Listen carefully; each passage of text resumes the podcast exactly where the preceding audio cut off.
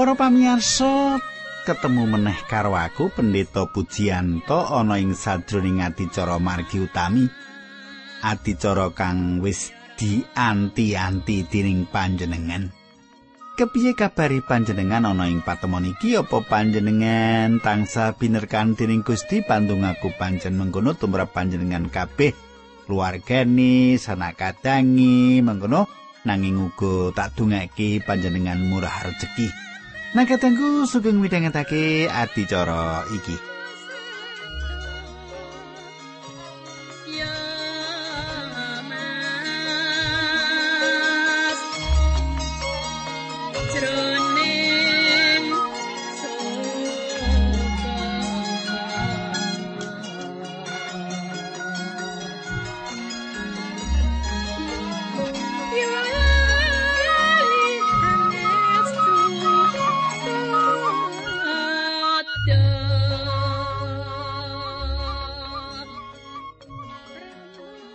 Pamirsa, tak jaluk panjenengan isih kelingan apa sing tak aturake marang panjenengan ing patemon kita kepungkur. Ing patemon kepungkur kita wis deleng lelakon gegayutan karo wong sugih lan Lazarus sing mlarat. Banjur kepiye sepanjure kita bakal nyemak kanthi nastiti nanging sadurunge ayo kita ndedonga dhisik. Duh Kanjeng Rama ing swarga kawula ngaturaken gunging panuwun menawi wekdal menika kawula saged tetunggilan kalian sedherek kawula. Lan kawula ndongaaken supados menapa ingkang abdi paduka andharaken menika dados kegiatan dados panglipuran tan dados manteping iman tumrap sedherek kawula. Dinambaran asmanipun Gusti Kawulo Yesus Kristus kawula tunggu haleluya amin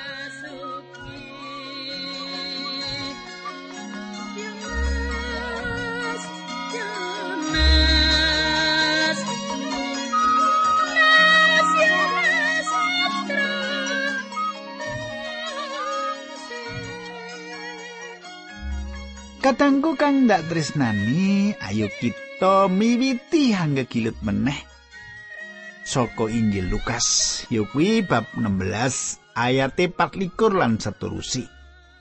Ing kene ing ayat iku ana bab-bab sing wigati sing sajake durung kita ngerteni. Ing bab iki Gusti Yesus kepareng nyetakake marang kita. Coba panjenengan sama Lukas 16 ayat 4 ing kitab suci nanging nek panjenengan durung nyawisake kitab suci monggo panjenengan pidhangetake apa sing tak waca.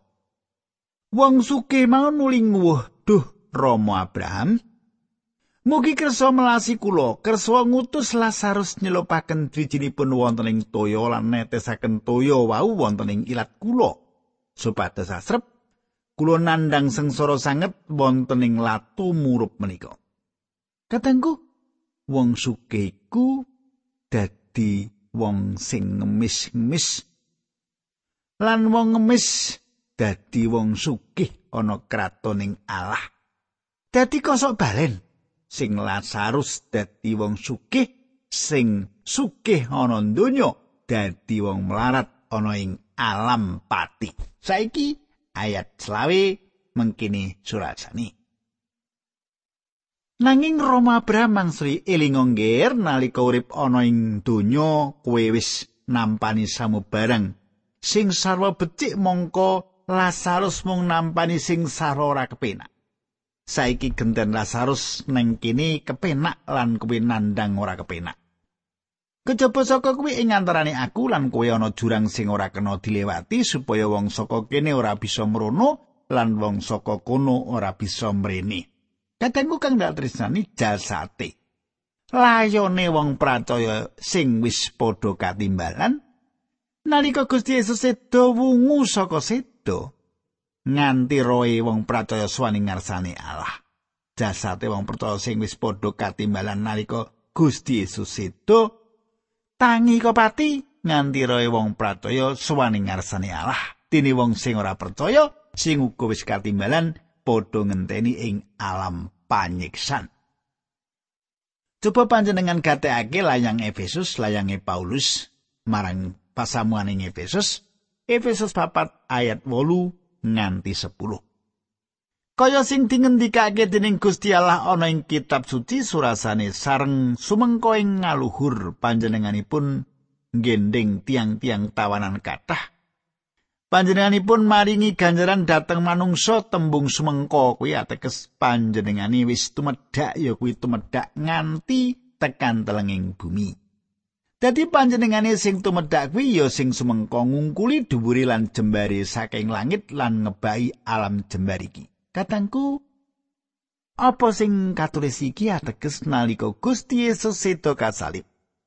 Tumedhak menyang Firdaus nganti kabeh nyawane wong percaya suwan marang Allah.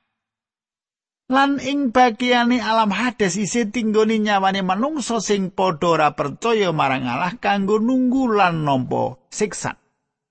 Badan iki kaya dene omah kanggo nyawane urip kita. Yen kita katimbalan tegese metu saka omah mau lan omah sing lawas iku sumarah gumantung marang sanak keluarga kita. Omah lawas ora penting meneh kanggo kita, sing penting neng endi dununge nyawa kita sawise oncat saka jasad. Swarga iku sawijining papan utawa panggonan. Panggonan iki kapiji. Kapilih kanggo panggonane para wong sing pracaya, bekti asilan setya tuhu marang Gusti Yesus juru wilujeng.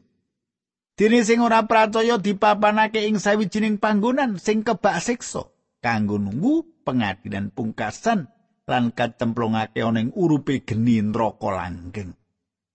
Urupe geni neraka sejatine ora dicawisake kanggo manungsa. Geni neraka mau dicawisake kanggo iblis. Kejaba yen ana manungsa sing awata iblis, bakal uga dicemplungke bareng karo iblis mau. Katanggu, ing Injil Matius 20 ayat 41 dinyatakake yen genine neraka iku kanggo ngukum iblis lan malaikat sing lawan marang Allah. Geni neraka iku pungkasane laku urip langgenge menungsa. Panjenengan lan aku bisa milih swarga apa neraka. Sawise kita mati wis ora ana meneh kalodhangan kanggo nemtokake pilihan. Mula mulya saiki mumpung isih ana wektu. Lukas 16 ayat pitulikur nganti telung puluh mengkini surasani. Wong sugih mau nuli matur, menawi makaten Romo, kula nyuwun kanthi sanget kersa Romo ngutus Lazarus dhateng griyanipun bapak kula. Sebab kula tasih gadah sederek gangsal mugi-mugi sederek-sederek kula wau benjing boten sami mlebeting papan kasangsaran menika.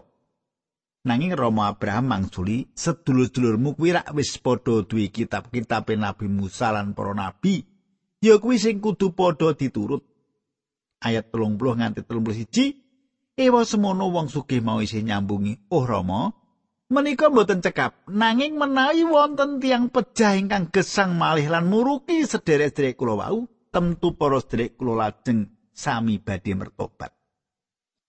Nanging Rama Abraham mangsuli meneh, menawa sedulur ora padha gelem ngrungokake piwulange Nabi Musa lan para nabi liyane, mesti ya ora bakal padha percaya senajan ana wong mati tangi saka ing pakuburan lan ngandani wong-wong mau. Kadangku kang dak tresnani. Becike panjenengan lan aku aja ngundur-undur wektu kanggo nemtokake pilihan. Mengko yen wis katimbalan wis ora ana wektu meneh. Saiki kita mlebu pasal pitulas Injil Lukas. Dadi pasal 16 wis paripurna.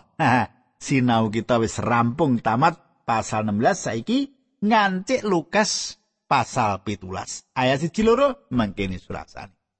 Gusti Yesus ngendika marang para murid tan kenora mesti ana perkara-perkara sing jalari wong tumiba ing dosa nanging cilaka banget wong sing menehi dadaan.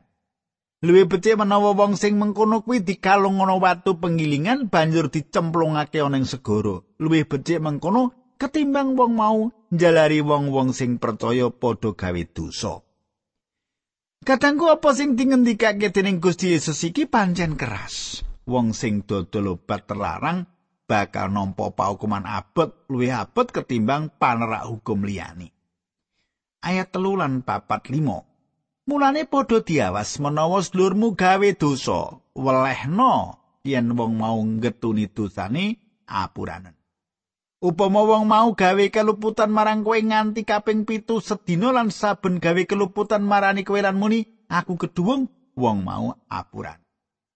Para rasul padha matur marang Gusti Yesus, Gusti kula sami nyuwun tambahing pitados. Ayat 6. Gusti Yesus ngendika yen kowe duwe pengandel sing gedene sawiji sawi wae kowe bisa akon wit anjir iki rungkat lan tumancep ana ing segara mesti wit mau bakal manut apa sing kok perintahake Kadangku ayat-ayat iki nerangake yen para murid Gusti Yesus iku lubering pangapura. Gusti Yesus ora ngendika yen wong sing dosa duweni kaluputan ora kena dicentula. Saben wong, saben mitra sing salah kudu dijelasake ing ngendi lupute. yen kanthi legawa ngakoni kabeh keluputane kudu diapura salai. Senadan kaluputan mau dibolan baleni, kudu tetep disediakake pangapura yen pancen uga gelem mertobat. Lukas pitulas ayat pitu nganti songo. Saupama ing antaramu ana sing duwe batur sing kok kongkon mluku utawa angen wedhus, apa sak baline batur mau saka pegaweane nuli kok kandhani gek enggal mangano? Mesti ora, malah kuwi bakal muni aku tatakno mangan nganggo sandangan sing resik lan ngadepo nunggu nonggonku mangan nganti rampung sawise kuwi kowe mangano. Batur ra ora susah dialem mergo nggone nglakoni pegawean manut perintahing bendarani. Kadangku yen panjenengan nuhoni, yen panjenengan nuhoni, yen panjenengan ngugemi isine dosa titah lan kutbahing gunung ing puntuk Lan ana perkara sing ora bisa panjenengan tindakake apa panjenengan isih kagungan pamikir yen uga bakal dislametake. Keselamatan utawa kawilujengan iku peparing ora bisa diupayake. Ora bisa dibudidaya nanging kudu ngugemi hukum iku kewajiban. Saiki Lukas pitulah saya 10 nganti 11. Mengkono kowe Yen kowe wis nglakoni kabeh sing didhawuhake marang kowe, kowe munio. Aku iki mung abdi lumrah, mung sakdermo nglakoni kewajibanku. Ayat 11 nalika Gusti Yesus mbacotake tindake saka kutha Yerusalem, panjenengane ngliwati tapel watesi daerah Samaria lan daerah Galilea. Kadangku tindake Gusti iki tumuju menyang Yerusalem. Lukas pitulas ayat rolas. Naliko Gusti Yesus mlebu ing sawijining desa, ana wong loro lepra, sepuluh sowan marang panjenengani, wong-wong mau padha ngadeg, sarta padha nguwuh-wuh saka kaduan Rama Guru, kawula mugi panjenengan welasi. Ayat 14. Bareng Gusti Yesus pirsa wong-wong mau nuli ngendika, padha lunga, awakmu padha priksakno marang imam. Sadurunge padha mlaku wong-wong mau padha waras. Ayat 15 tekan 16. Bareng ana salah siji sing weruh yen wis waras dhewe nuli bali karo memuji asmane Allah kelawan swara sura. Wong mau nuli sujud ing ngarsane Gusti Yesus sarta ngaturake panuwun wong mau wong Samaria. Kadangku pancen wong Parisi tansah ngedoi perkara iki. Ora gelem srawung karo wong sing kena penyakit lepra. Saiki ayat 17 nganti 19. Gusti Yesus nuli ngendika apa ora wong 10 sing diwarasake sing songo ana ing ngendi? Apa sebabe dene malah wong monco kuwi sing bali lan ngaturake panuwun marang Gusti Allah? Gusti Yesus nuli dawuh marang wong Samaria mau, "Ngateko, mulya pangandelmu wis marasake kuwi." Katengku Gusti Yesus marasake wong 10 sing lara lepra. Mung siji sing bali mung siji sing ngaturake panuwun marang Sang Kristus.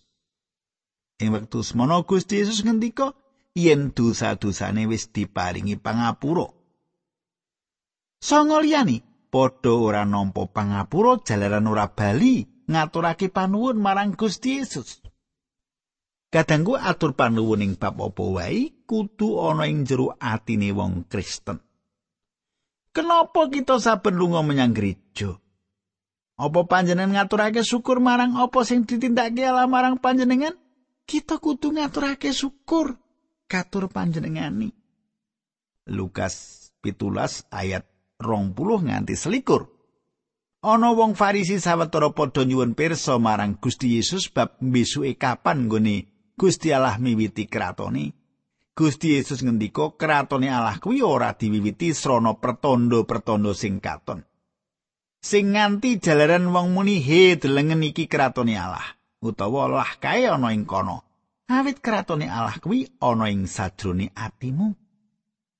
Kadangku kamulyane kraton swarga iku saka apa sing diprastiyake. Gusti Yesus nggarisake bab kamulyane wektu sing bakal teka lan bab rawuh meneh sing kaping pindho. Rawi Sang Kristus ana rong bagian penting sing sepisan bab jemaat sing disengkakake ngaluhur. Pengangkatan. Kaya sing ditulis ing siji Tesalonika papat ayat 13 nganti 18 siji Tesalonika bab papat ayat 13 nganti 18 sing kapindo rawe kanggo ngedekake pemerintahan kasuwarganing bumi kaya sing dingendikake. Kedadian iki sawise pengangkate wong-wong percaya lan sawise kasangsaran gedhe. Kedadian iki sawise wong-wong percaya dipulung lan sawise dipulung kabeh kasangsaran gedhe tumeka. Lukas pitulas ayat 13 nganti 13. Sawise kuwi Gusti Yesus nuli ngendika marang para murid bakal ana wektune kowe padha kepingin nyipati dinane putrane manungsa nanging ora bisa. Besok bakal ana wong sing kandha marang kowe. Delengen ana ing kono utawa delengen ana ing kene. Kowe aja nggugu banjur metu goleki. Kadangku nalika Gusti Yesus rawuh sing sepisanan ing Israel, wong-wong padha ora ngerti lan ora nanggapi kanthi bener. Jalaran apa? Jalaran nalika iku wong-wong Israel lagi padha nunggu tekane Sang Mesias sing bisa ngluwari Israel saka penjajahani bangsa Romawi. Coba. Coba Gusti mung rawuh wujud bayi saka keluarga miskin. Apa maneh Gusti Yesus mung tukang kayu wae. Sapa sing ngandel? Nanging yen mengko rawe sing kaping pindho katangku bakal rawuh kinantenen kaluhuran lan kamulyan. Mula dawuh Gusti Yesus aja padha kecilik yen ana sing kandha Gusti Yesus neng panggonan kono. Utawa Gusti Yesus ana panggonan kene, rawuhe ora ana sing bisa ngramal kapan? Ora ana sing bisa mbadhe kapan? Lukas pitulas patikur nganti selawe mengini Ya kaya kilat tenggone cumleret ing langit saka sisih kene tekan sisih kono ya kaya mengkono bakal kanane dinane putrane manungsa.